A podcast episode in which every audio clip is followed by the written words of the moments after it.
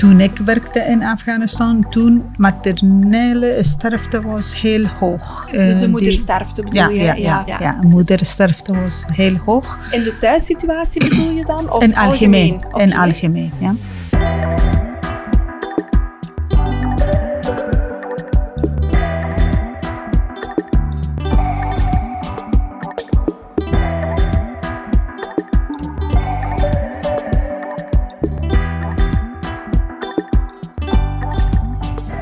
Ik ben Arzo Bahraman. Ik kom uit Afghanistan. Ik werk in UZ Gent als een fertiliteitsarts sinds eh, maart 2017, bijna vijf jaar. En eh, vroeger in Afghanistan werkte ik als een assistent-gynaecoloog.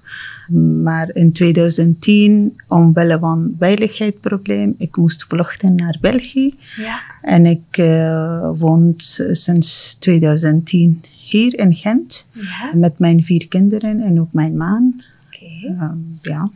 Vind je het fijn hier in België? Eh, ja, in het begin was het een beetje moeilijk om zich aan te passen met eh, andere cultuur, andere systeem van het leven. Maar ehm, ja, nu is het veel beter. Ja, ik kan me voorstellen dat het een hele omschakeling is geweest. Dus je woont nu eh, bijna twaalf jaar in België. Toen je in België toekwam, ben je onmiddellijk de zorg ook ingestapt? Of wat is het eh, traject dat je hier gelopen hebt? Eh, ik heb net ook gezegd, ik heb vier kinderen toen ik naar België aangekomen. Mijn jongste zoon was vijf, zes maanden oud. Oké, nog een Ehm, kleintje echt. ja, nog een klein. En de oudste was negen jaar. Oké. Ehm, natuurlijk, als een alleenstaande moeder met vier kinderen in een nieuwe omgeving in het begin, het was enorm moeilijk. Mhm. Ik wou graag eh, snel mogelijk starten, eerste instantie om taal te leren. Ja. Uh, maar de wachtlijst voor crash was lang, Ja. speciaal in Gent. Um, daardoor moest ik wel een jaar wachten. En ik kon niet onmiddellijk starten met de taal leren. Mhm. Maar gelukkig, mijn kinderen mogen onmiddellijk in eerste studiejaar in 2010 beginnen met, uh, met, Met de, de school. school, ja. dat was wel um, Goed, hè? ja, Ja, dat was goed. Maar in 2011, mijn man is ook um, uh, langsgekomen. Uh, en dan we hebben zo uh, gestart met de taal te leren. En de voormiddag ik en de namiddag mijn man. Ja. En uh, ja, en een van ons moet zorgen Voor voor, voor, voor, voor de kleintje. ja. En dan start in het begin om taal te leren. Ik heb wel mijn diploma doorgestuurd naar NARIC via House van Nederland. Uh, maar ik heb de 2012 Ja. uh, wacht op het antwoord, maar nooit antwoord gekregen, positief of negatief. Um, Voor de herkenning van voor jouw de herkenning ja, van mijn diploma. Oké. En toen, um, die medewerker van NARIC heeft mij gezegd, eh, niet langer wachten voor het antwoord, want dat duurt lang. En meestal het antwoord is negatief. Um, Oké. Als je wilt een snelle procedure, het is best dat je um, examen doen over jouw zeven jaar studieperiode. Om bewijs eh, te tonen dat je echt een arts bent. Ja. Ik ben wel die examen gedaan, de leerexamen in 2012. Ja. Uh, maar de taalniveau was heel hoog. Uh, eerst een schriftelijk examen, nadien na twee weken mondeling examen. En de resultaten waren dat ik moest vanaf eerste master opnieuw studeren aan de geneeskunde. Voor geneeskunde, Ja. ja. En um, in Nederlands studeren met vier kinderen. Um, uh, en op dat moment, dat was um, combinatie met gezin was een beetje moeilijk Ja, uh, lijkt voor me niet mij. evident, Ja, inderdaad. ja. En dan uh, toen heb ik wel gezegd, ja, misschien naar plan B gaan. En ik wou uh, opleiding vroedkundige studeren. Ja. Maar uh, vroedkundige, het was geen knelpuntenberoep. En als ik die beroep wou kiezen, moest ik uh, zelf ook betalen. En nadien mijn man gestart met werk. Mhm. En uh, zij heeft de kosten van mijn studie ook betaald. En dan ben ik gestart met de opleiding vroedkundige in 2013 in Ja. Artevelde Hogeschool. Maar wel met vrije stelling op basis van resultaten van vlierexamen. Ja. Niet op basis van mijn diploma van In Afghanistan. Afghanistan, nee. Niet op basis van mijn ervaring in Afghanistan. Straf dat vind ik jammer, Ja. maar toch, ik heb wel speciaal in het eerste jaar eh, veel waken vrijstel gekregen. Ja. Ja, dat was ook ehm, eh, wel een beetje geholpen om de studie combineren met mijn Gezin, gezinssituatie. ja. Maar de stages en zo, die moest je allemaal doen zoals elke andere student. Ja, stage moet ik allemaal doen, 40 bewaling ook doen. Ik heb wel eh, tijdens de opleiding geleerd infuus plaatsen, eh, bed opmaken, ehm, babybadje, beddenbad. Ja. Oké. Ja, ik heb Want bijvoorbeeld een infuus prikken, is dat niet iets wat een arts in Afghanistan standaard in de opleiding voor gynaecologie leert? Nee, nee, wij leren dat niet. Maar eh, tijdens eh, onze werk, gezien het was wel eh, bijna altijd druk in het ziekenhuis en ook altijd tekort van de personeel. Mhm. Eh, we deden wel af en toe ja, een bloedafname Ja. en ook een, een infuse plaatsen als... Eh, met, was. met, met één vroedvrouw moeten we de hele nacht werken, als het was twee, drie patiënten. Maar daar was een andere situatie dan de vroedvrouw maakt alles klaar en eh, mogen we gewoon prikken. Ja, Maar hier is uit. niet zoals echt een protocol volgen. Nee. Wat moet je eerste stap doen? Of, Ja, ja. Het was wel een andere manier. Oké. Ja.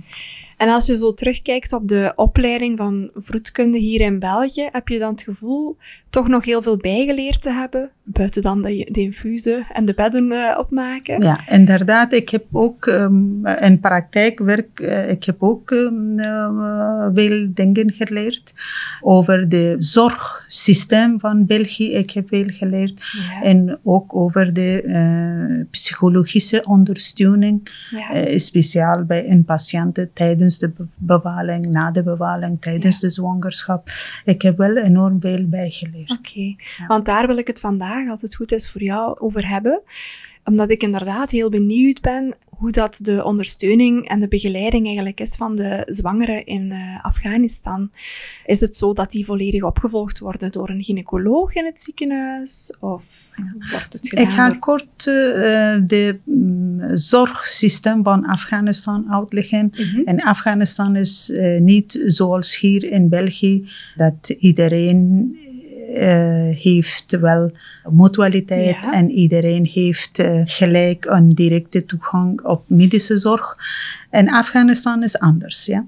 In Afghanistan we hebben twee soorten ziekenhuizen. Uh, Mhm. privéziekenhuizen natuurlijk. Het is wel met iets betere zorg en ook uh, dat kost uh, enorm veel geld. Ja.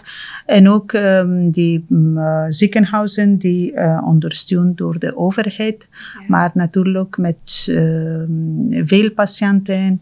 Uh, weinig materiaal Ja. en ook niet voldoende bed ja, en ook voldoende mogelijkheden om goed helpen met de patiënten. Ja. In Afghanistan, we hebben ook niet zoals huisarts dat elke patiënt moet uh, eerste contact met huisarts hebben of vaste gynaecoloog hebben Mhm. om um, uh, volledig compleet is. In Afghanistan, alle artsen die werken in het ziekenhuis, zij hebben ernaast privépraktijk. Ja? Ja. En daar is gewoon een consultatie zonder dat de gegevens van de patiënt opgeslaan worden. Oké, Ja. hebben zij dan ook geen moederboekje bijvoorbeeld, zoals hier in België? Uh, nee. Nee, nee, nee. Maar in de laatste jaren wel in de hoofdstad uh, begint om uh, bijvoorbeeld aan de zwangere vrouwen zo in iets geven. Maar meestal die vrouwen bewaren dat ook niet. En soms gaan ze bij verschillende artsen ook. Mhm. Of verschillende gynaecologen. En, um, ja, en ook de meeste gynaecologen of de artsen, zij willen ook niet hoe uh, moeten we in correcte manier die boekje invullen. Oké. Ja? Het is wel een um, proef, project was in, in, in de hoofdstad gestart. Maar uh, nadien, ik weet het niet, het was wel verder gegaan of niet. Maar in die Nangarhar-provincie, dat uh, ik werkte vroeger, mm het was geen moederboekje of uh, geen computer. Geen om, centraal dossier. Ja, nee, nee, Geen, geen centraal dossier. Het was gewoon een voorschrift, gewoon onderzoeken doen. Een voorschrift van de huisarts dan? Of?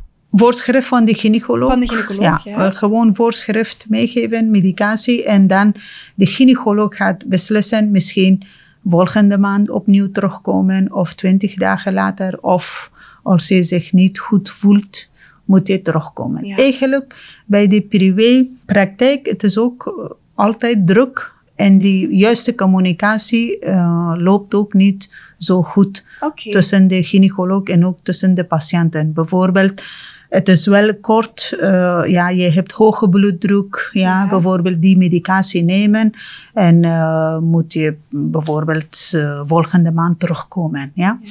Maar het is niet echt de begeleiding dat om over de gevaar van de hoge bloeddruk ja, tijdens de zwaar tijdens de zwangerschap en ook over de alarmsymptomen mm -hmm. of mhm. die soort zaken duidelijk te communiceren en ook herhalen nog eens dat die mevrouw begrijpt alles of niet. Ja, want daar zijn ook de meeste vrouwen zijn niet geschoold en als zij komen bij die dokter, eerste controle, zij weten ook niet wat heeft de dokter gezegd. Ja. Zij denken, ja, het, ik heb wel deze probleem. Ik heb nu medicatie gekregen, die probleem zal opgelost ja. worden. Ja. En tijdens die consultatie werden zij dan vergezeld door hun partner? Of was, dat, was die partner niet welkom op consultatie? Nee, daar? partner komt niet, wel komt met de patiënt, maar partner moet altijd buiten blijven. Uh, meestal bij vrouw komt misschien een andere vrouw van schoonfamilie of uh, moeder van de vrouw of zus van de vrouw. In sommige situaties komt buurvrouw met haar. Maar dus ze Ehm, had wel vaak iemand bij haar. Ja, iemand bij. eh, uit de nabije omgeving. Ja. Oké, Ja. toch een steunfiguur. En ook die familie moet uh, de fees van de gynaecoloog ook betalen als nodig is voor een uh, echografie. Dat is ook extra geld. ja. Als een laboratoire, als een la nodig is. onderzoek nodig is, die moeten ook betaald worden. En ook de medicatie moet ook Onmiddellijk betaald onmiddellijk worden. betaald worden. Ja. En als je als gynaecoloog daar in een privépraktijk werkt, wordt die dan ondersteund door een vroedvrouw bijvoorbeeld? Meestal, meestal, het is wel, de gynaecoloog werkt samen met een vroedvrouw. Oké. Ja? En wat doet de vroedvrouw? Bijvoorbeeld bloeddruk meten. En bijvoorbeeld een injectie moet gebeuren Mhm. of een bloedafname Ja. moet gebeuren. Die zal de vroedvrouw doen. Ja. En daardoor de vroedvrouw zal ook fees vragen, geld vragen. Ja. Ah ja, Het ook is, nog eens. Ja, Ja. nog een. En dat is gewoon die vroedvrouw eigenlijk voor haar eigen inkomen komt ook en werkt samen met een gynaecoloog, speciaal die gynaecologen die veel patiënten moet eh, zien. Ja, Zij willen liever bij die gynaecologen samenwerken. Ja. Ja. oké.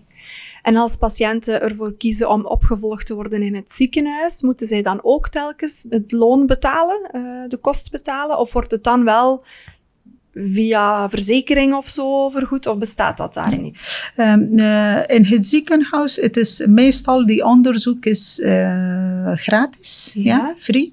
Maar uh, we hebben wel een systeem van antenatal care Mhm. in een ziekenhuis. Meestal bijvoorbeeld een assistente en die gaat die antenatal care vo- volgen. En um, het is gewoon een registratie in een uh, grote boek. Die moet uh, gegevens van de patiënt noteren. En ook uh, met een serial number. Ja, En ook uh, wat is jouw advies. Ja? Ja. Daar is gewoon die- voor, voor die onderzoeken, patiënt gaat niet betalen, maar voor de voorschriften wel. Ja. Ja, voorschriften. Die dokter gaat gewoon voorschrift meegeven. En de ziekenhuis heeft niet voldoende eh, medicatie, Medicatie, om mee te geven. Dus dan gaan ja. ze bij de apotheker en Ja. dan moeten ze de medicatie wel zelf betalen. Ja, ja. Ehm, het is ook dagelijks en de patiënten komen wel eh, naar het ziekenhuis ook, maar natuurlijk het is lange wachtrij. En ook ehm, die patiënten denken ook, daar is wel een assistante voor betere zorg. Het is beter dat we naar een bekende of naar een gynaecoloog die meer ervaring heeft, eh, naar een privékliniek gaan. Ja, Ja. oké. Maar daar is het dan weer duurder? Daar is wel veel duurder. Ja, oké. En in het ziekenhuis is het ook zo dat de uh, zwangere zelf vooral begeleid wordt door een uh, vrouwelijk familielid? Uh, of is de partner dan wel aanwezig? Als een vrouw komt voor bevalling, opnieuw, uh, partner mag niet binnenkomen in het ziekenhuis. Hij mag gewoon buiten wachten en uh, komt met een vrouwelijke begeleider. En daar is opnieuw een uh, medische dossier moeten we um, uh, klaarmaken. Ja. Dat is nog steeds uh, in een papier. Ja. Um, en dan die vroedvrouw moet wel onderzoek doen of vitale parameter nemen. Ja. En dan is afhankelijk van de conditie van de vrouw, Ja. om de twee uur of om de één uur, gewoon focus van de vroedvrouw is over die klinisch onderzoek. Ja. Niet over andere begeleiding. Uh, zoals hier, ik heb wel tijdens mijn opleiding ook geleerd en ik heb ook gezien, bijvoorbeeld een vroedvrouw vraagt voor uh, helpt met eten of met uh, uh, als een vrouw wil douchen Ja. of als een vrouw wil zich aankleden of um, ja, of, of Ondersteunen, ondersteunen voor pijn. de pijn. Uh, die soort zaken gebeurt niet in Afghanistan. Ja. En- Enkel de vroedvrouw gaat uh, die vitale parameter Ja. nemen en ook uh, die vaginale toucheer opvolgen. Ja. En ook indien nodig is om een infuus plaatsen en die soort zaken. Ja, dus vooral het medische. Vooral medisch, ja. En is dat dan de rol van de moeder bijvoorbeeld die hierbij is, van de, van de vriendin, van de Van zus? Ja. Die ja, begeleiden dan Ja. eh, om die pijn op te vangen bijvoorbeeld. Ja. Ja. Maar gewoon tijdens die onderzoek, we communiceren altijd met de patiënt. Ja. Het is wel pijn, die pijn is normaal. En daar is ook niet mogelijkheden bij elke bevalling epiduraal te geven. Ja, het is enkel bij SICU. Ja. Bij Of- keizersnede. Ja, ja. Ja, bij keizersneden epiduraal of uh, meestal is spoed keizersneden en dat is ook onder algemene narcose. ja. Um, dat is gewoon de familie zorgt voor de vrouwen. Ja, maar dus de vaginale bevallingen, die patiënten die kunnen eigenlijk zelden tot nooit een eh, epidurale verdoving krijgen als zij dat nodig hebben. Ja, nee. Dat klopt, hè? Ja. Ja, dat klopt. En waren er andere manieren van pijnstilling eh, die jullie wel konden toepassen? Bijvoorbeeld eh, lachgas of zo? Of was dat Nee. ook niet mogelijk? Nee. Nee, En, die zijn niet mogelijk. en Maar um, uh, wel in privéziekenhuizen, het is wel mogelijk. Ja? voor epidurale? Voor epidurale over lachgas, um, uh, ik ben niet zeker, maar voor epidurale het is wel mogelijk. Maar opnieuw, privéziekenhuizen, dat kost enorm veel geld. Ja. Ja. Oké. Wauw. Bevallen de vrouwen daar in een kamer apart? Of is dat dan vaak in een grotere zaal waar verschillende dames eh, in arbeid zijn? Wij hebben één grote zaal voor uh, pre-delivery, Ja. voor de bevalling. Daar is ook bijvoorbeeld uh, um, zes, zeven of acht bed. Ja. voor, voor, Voor dames die in arbeid ja, zijn? Ja, ja, voor vrouwen die in arbeid zijn. Want het is wel twee vroedvrouwen die moeten die voorbevalling en ook die bevallingkamer Ja. uh, controleren. Ja. Ja. En dan uh, de bevalling, het is ook een grote zaal. Ja, het is ook verschil bij elke ziekenhuis. Bij sommige ziekenhuizen vier, vijf. Bij die ziekenhuis die ik werkte vroeger, het was acht bevalling In uh, dezelfde tafel. ruimte. Ja, ja, ja. op hetzelfde ru- ruimte. Maar er was wel gordijnen tussen. En die patiënten kunnen niet elkaar zien. Maar uh, het is gewoon door de uh, weinig personeel, want twee vroedvrouwen moeten de hele nacht werken daar. Ja. En soms is drie, vier bevalling op hetzelfde moment. Ja. Dan zij kunnen wel gemakkelijk van één patiënt naar de Ja. andere patiënt Oké. ja, um, ja, begeleiding of ondersteuning doen. Ja. En bij de bevalling zelf mag dan ook wel een uh, vrouwelijke begeleidster aanwezig zijn voor de vrouw? Of Nee, nee enkel nee bij de arbeid? meestal niet. Maar um, dat is ook afhankelijk als alle bed zijn uh, vol. Ja, liever niet uh, extra uh, familie aanwezig is. Maar af en toe we zien, het is wel midden van de nacht, twee patiënten, bijvoorbeeld uh, eerste bevalling. Ja. En eh, die vrouw heeft wel nog tijd. En die vroedvrouw moet eh, bij de andere patiënt gaan. En dan is ook niet ideaal om die vrouw alleen te zijn. Ja.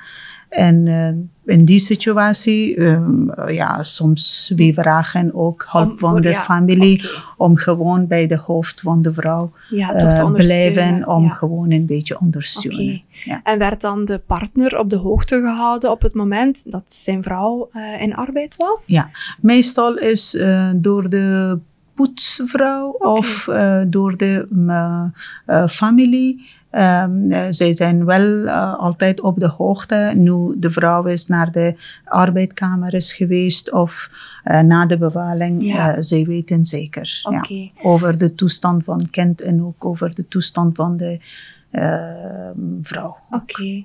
En wat is de houding waarin de meeste vrouwen daar bevallen? Is dat de typische gynaecologische houding of Ja. mogen dames daar echt Ja. wel kiezen? Nee, het is wel typisch gynaecologische houding.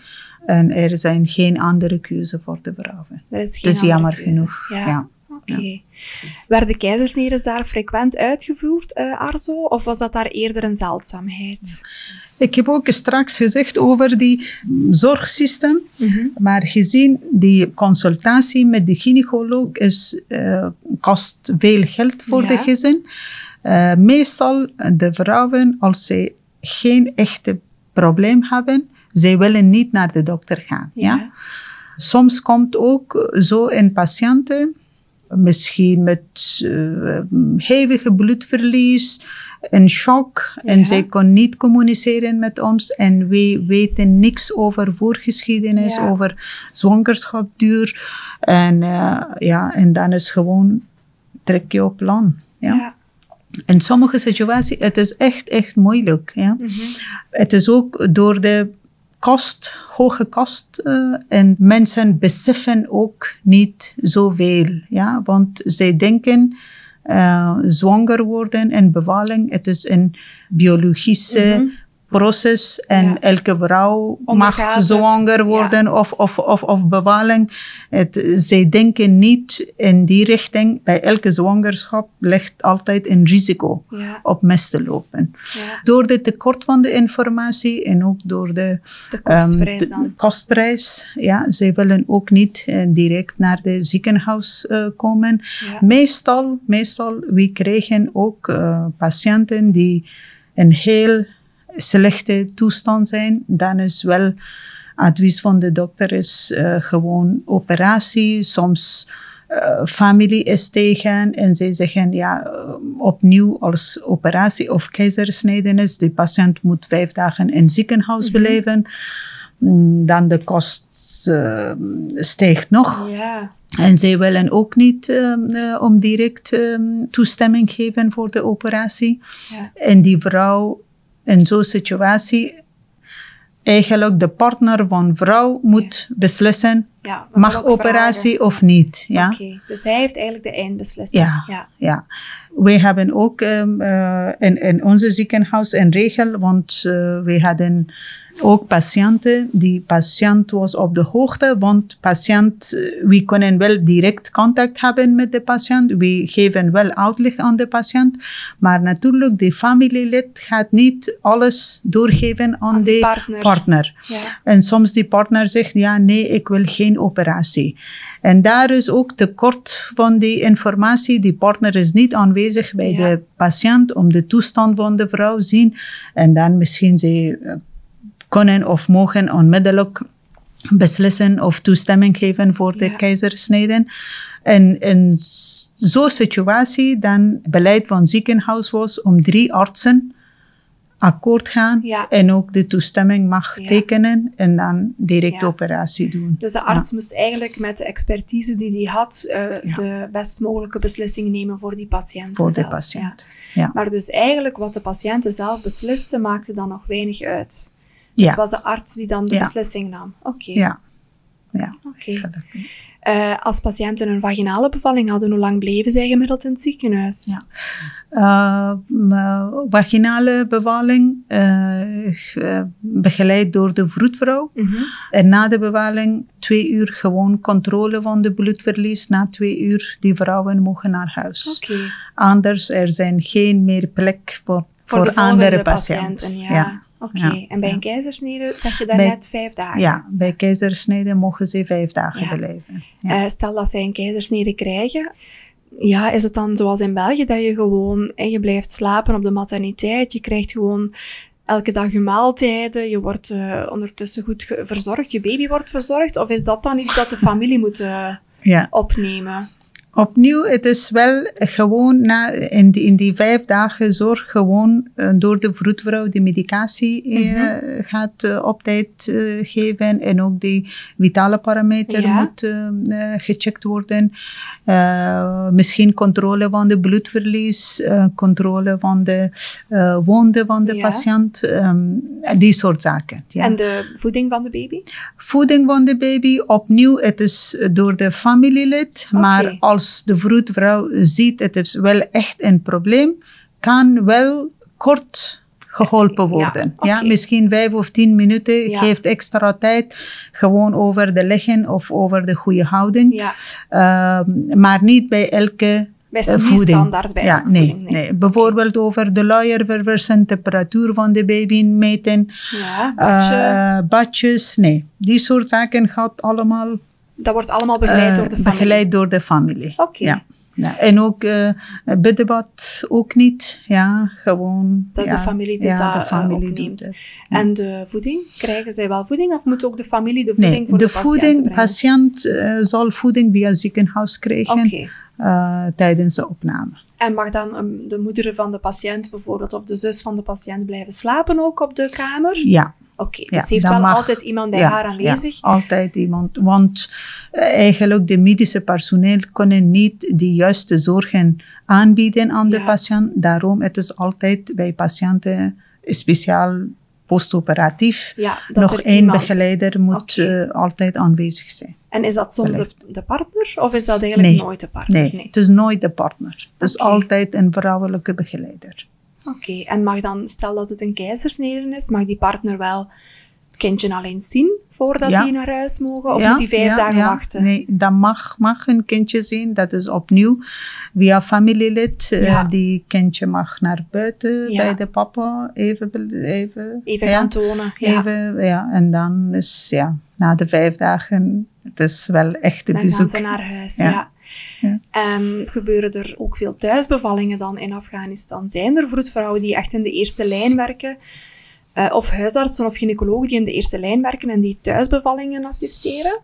Eigenlijk in Afghanistan in 2010, toen ik werkte in Afghanistan, toen maternele sterfte was heel hoog. Dus de Eh, moedersterfte bedoel ja, je? ja, ja, ja. moedersterfte was heel hoog. In de thuissituatie bedoel je dan? Of in algemeen. In algemeen, ja.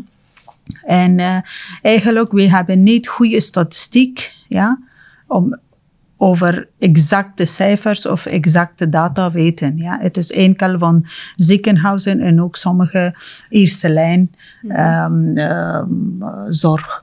Uh, maar over bijvoorbeeld thuisbevalen, hoeveel maternelle sterfte, uh, het is uh, nog steeds niet exacte statistiek okay. of exacte data. Maar toen, het was ook heel hoog en toen advies was, er zijn wel andere zaken, maar een van de belangrijke advies was uh, via het um, ministerie van de Gezondheid ja. om um, bevalling door een getrainde persoon moet gebeuren. Okay.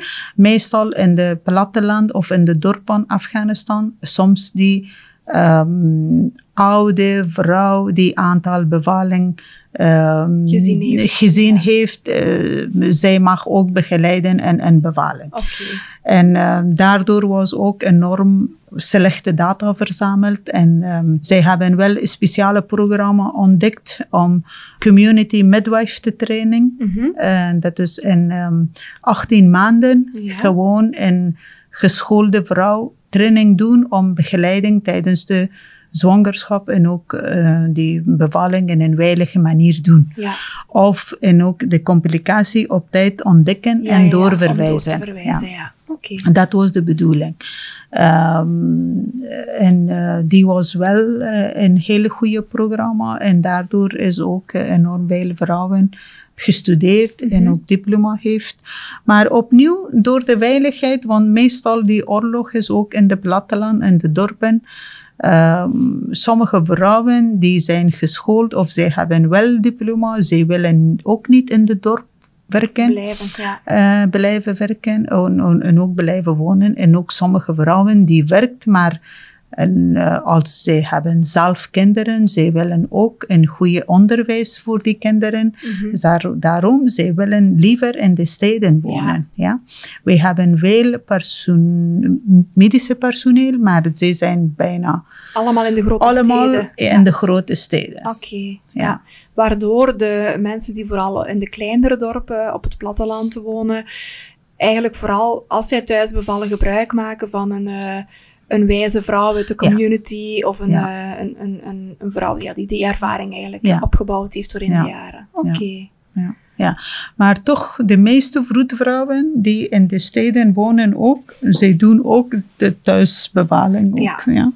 Afghanistan heeft veel bevolking en ook daar is cultureel iets dat die vrouwen hebben ook veel kinderen. Ja, In vergelijking met de Europese Ja. community. ja. Het is wel gemiddelde kind van elke gezin is eh, ja, zes of zeven. Oké, Ja. ja. Dus er is ook wel veel meer ervaring natuurlijk in de communities. Meer, ja. meer ervaring. En als vrouwen ervoor beslissen om thuis te bevallen, mag de partner dan wel een eh, rol hebben tijdens eh, dit gebeuren? Eh, Of is die eigenlijk nooit aanwezig? Nee, nee, waarom niet? Want eh, tijdens de begeleider zal, zal ook een andere vrouw aanwezig zijn.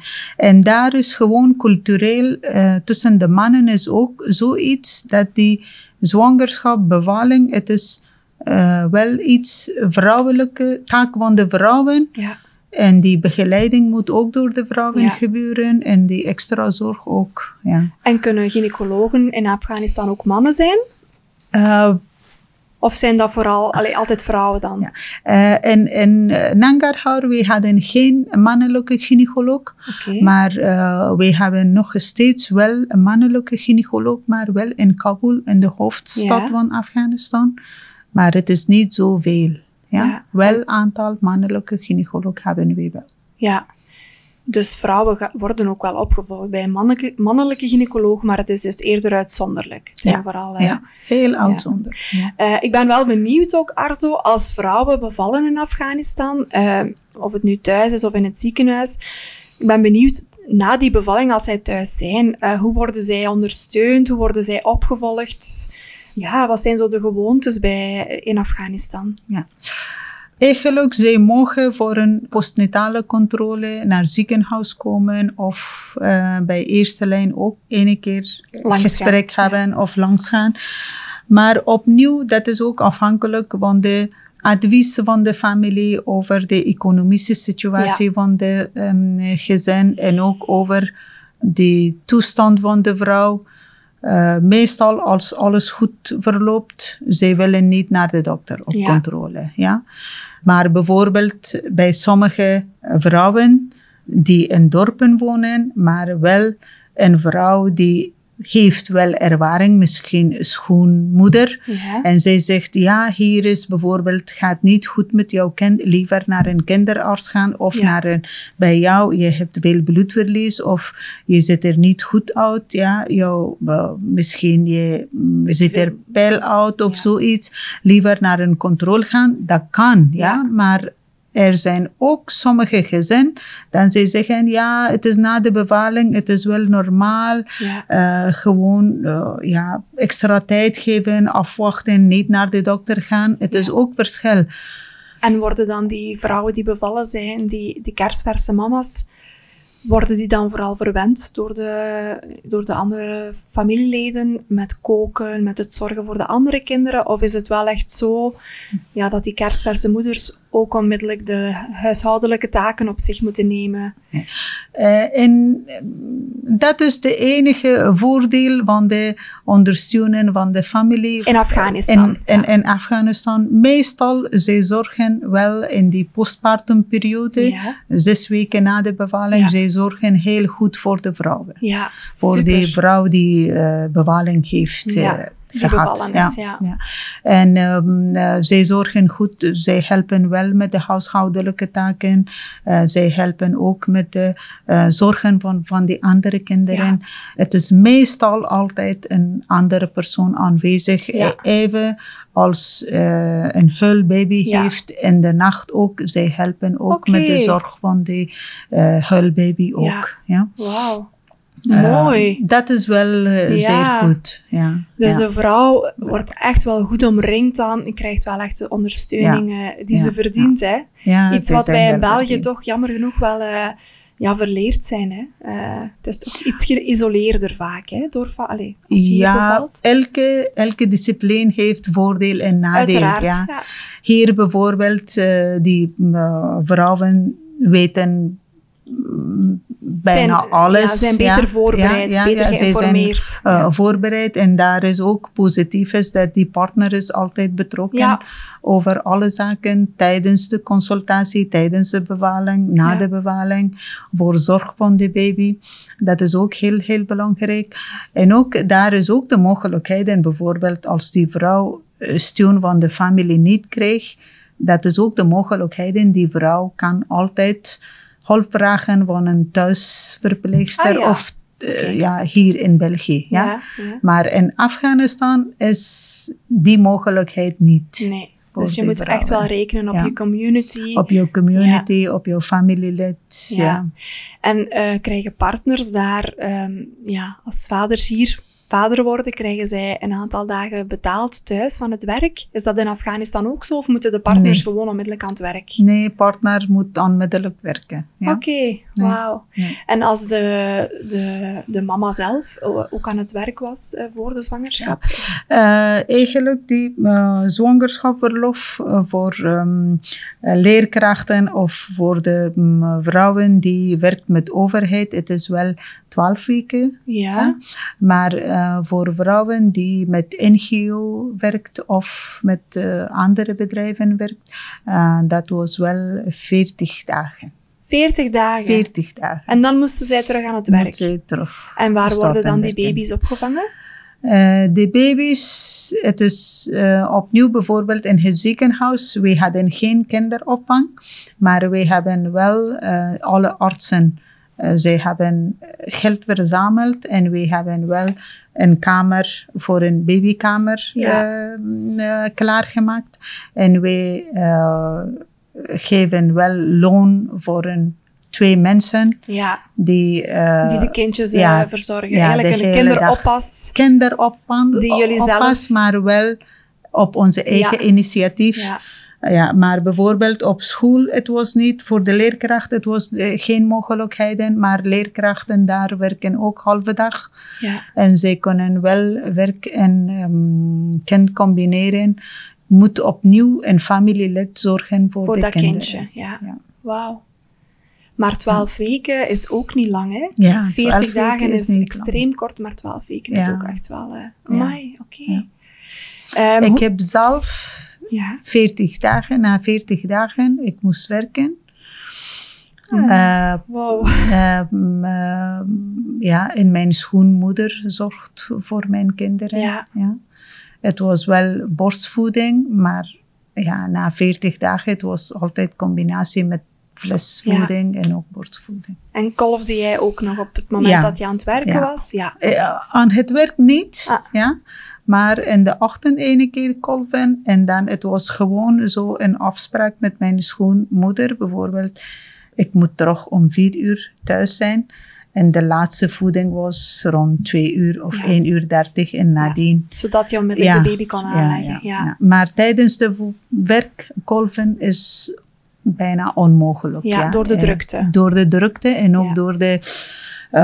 we hadden geen lokaal en ook um, geen... Um, fles, geen materiaal, materiaal en ook geen koelkast om het te bewaren. Om te bewaren en daarom, ja, nee, het, het, lukt niet. En we kregen ook uh, nooit extra tijd. Geen of pauzes, geen, geen pauze, pauzes ja, zoals hier nee, in België. Nee, nee. En de vrouwen die um, niet geschoold waren, die bleven gewoon thuis bij de kinderen om voor de kinderen te zorgen. Ja. ja?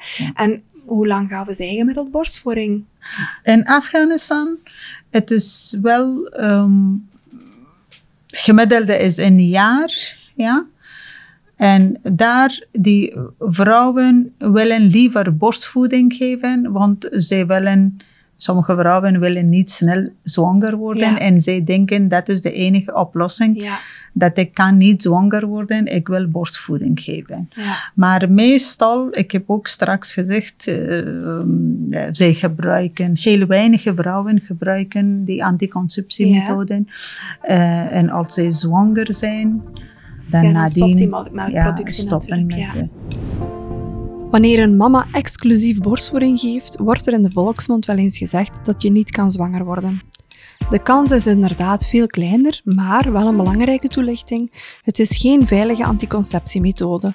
Er zijn vrouwen die, ondanks exclusieve borstvoeding, na zes weken alweer een ijsprong krijgen. En dus ook kunnen zwanger worden.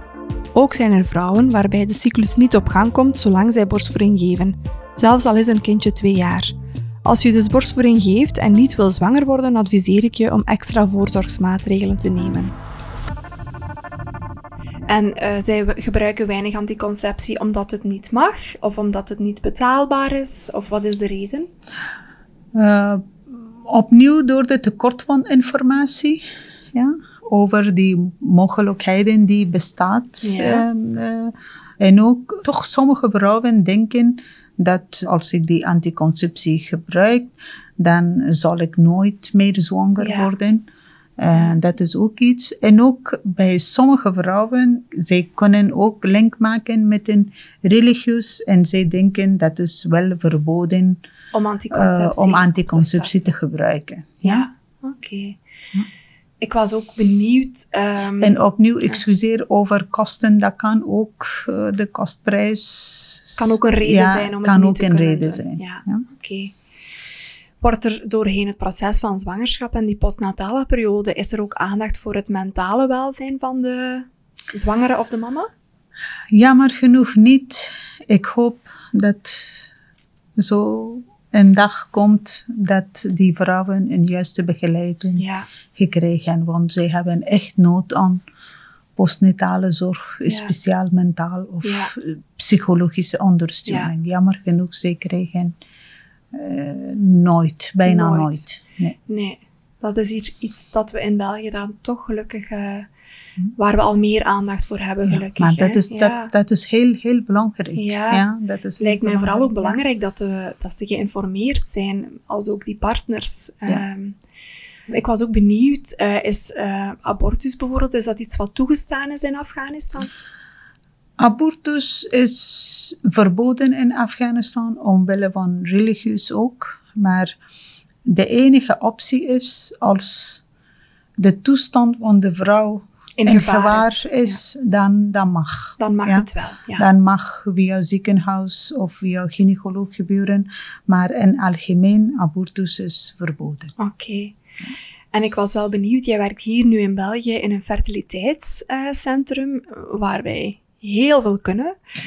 Heel veel patiënten ook kunnen begeleiden. Bestaat dat in Afghanistan? Heb je daar fertiliteitsartsen? Heb je daar centra die gespecialiseerd zijn in technieken? Het is jammer genoeg tot nu toe, we hebben geen fertiliteitsbehandeling in Afghanistan, geen IVF-centrum in Afghanistan. Eh, daar is gewoon een cyclusmonitoring of ovulatie-inductie heel eenvoudig, die eh, gebeurt door de gynaecoloog in eh, eigen praktijk. Maar daar is ook geen mogelijkheden om inseminatie te doen, geen mogelijkheden om IVF-ICSI te doen als koppel nodig heeft die behandeling, zij moeten naar buurlanden gaan. Naar de buurlanden. Ja, zelfs naar in, de grote, Pakistan of zelfs in naar- de grote steden, Nee, in de privécentra niet. En, en, en eh, in, in Kabul, we hebben wel in die laatste jaren wel een centrum. Het was gewoon een diagnostieke centrum. En de enige mogelijkheid was inseminatie. Ja. Maar geen IWF, geen, Geen ICSI. ICSI. Ja, nee, Oké. jammer.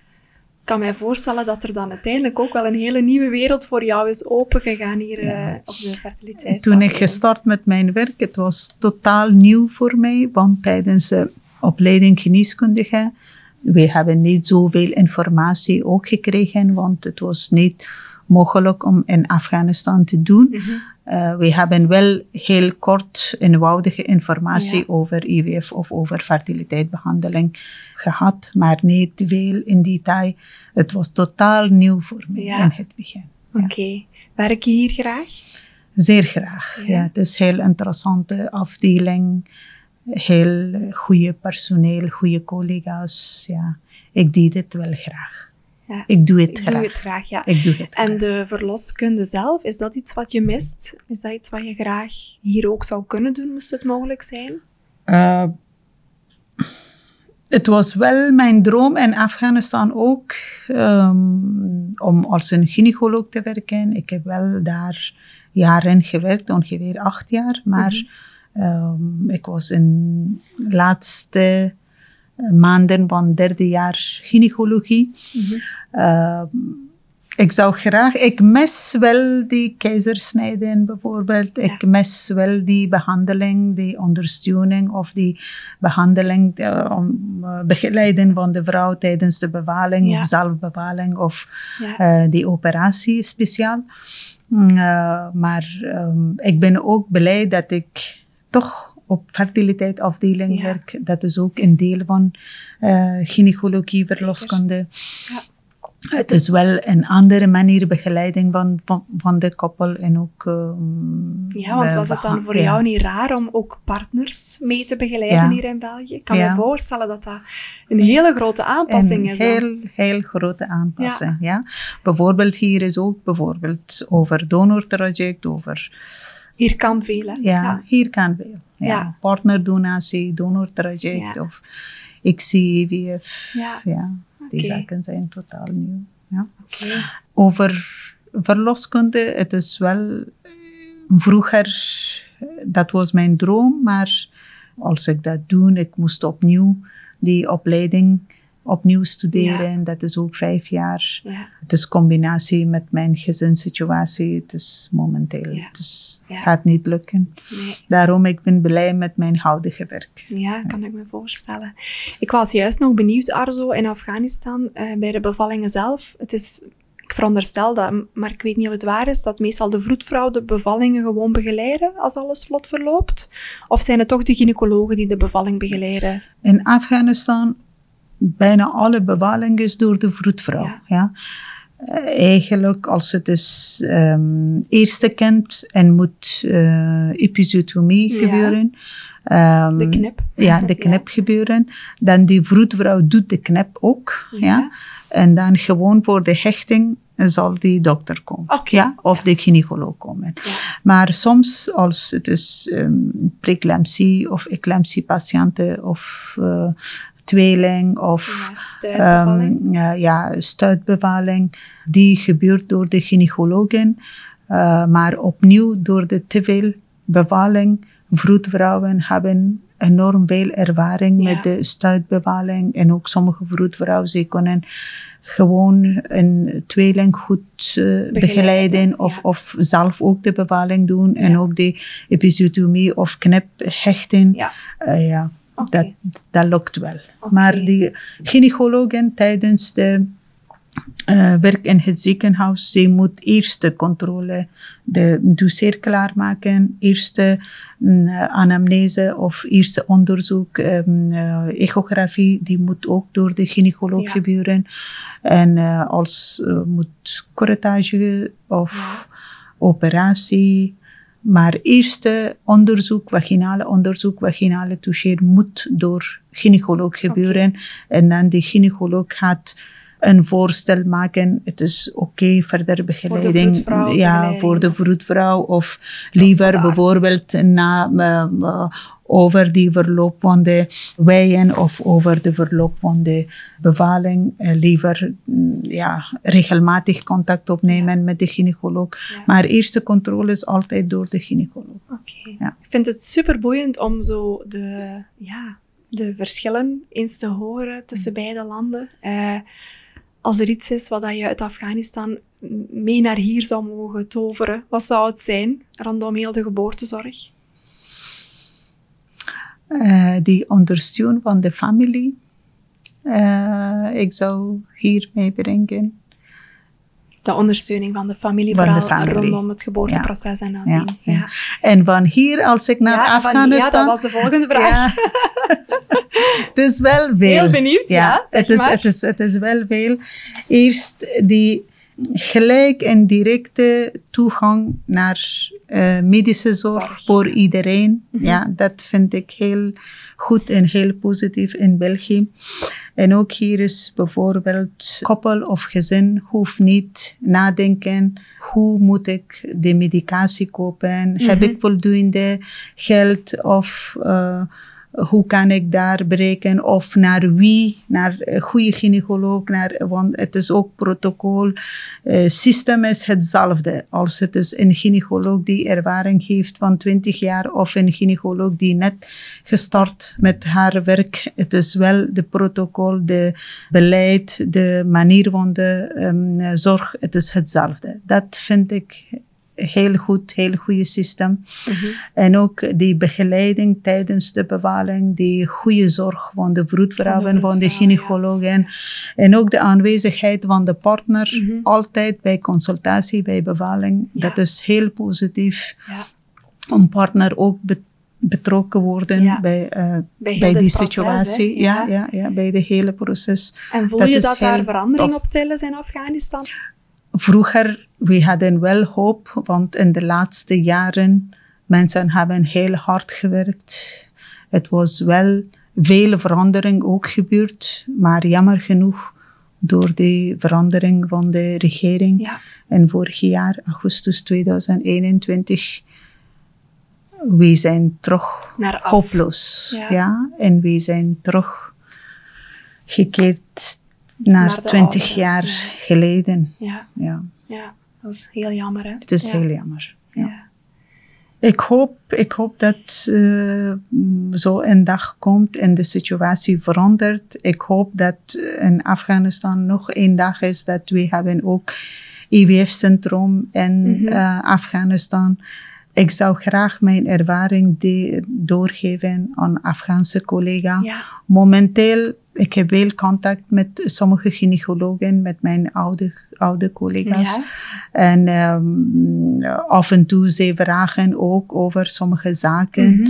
Maar natuurlijk, ze kunnen niet veel doen, Mhm. maar ze kunnen wel sommige zaken in een correcte manier, in juiste manier Ja. doen. Ja. Bijvoorbeeld bij herhaalde miskraam vragen ze wel, wat doen jullie? Ja, welke onderzoeken doen jullie dan? welke onderzoeken doen jullie? Bijvoorbeeld bij lage AMH-waarde of bij Mhm. leeftijd. Wat is jullie beleid? Ja.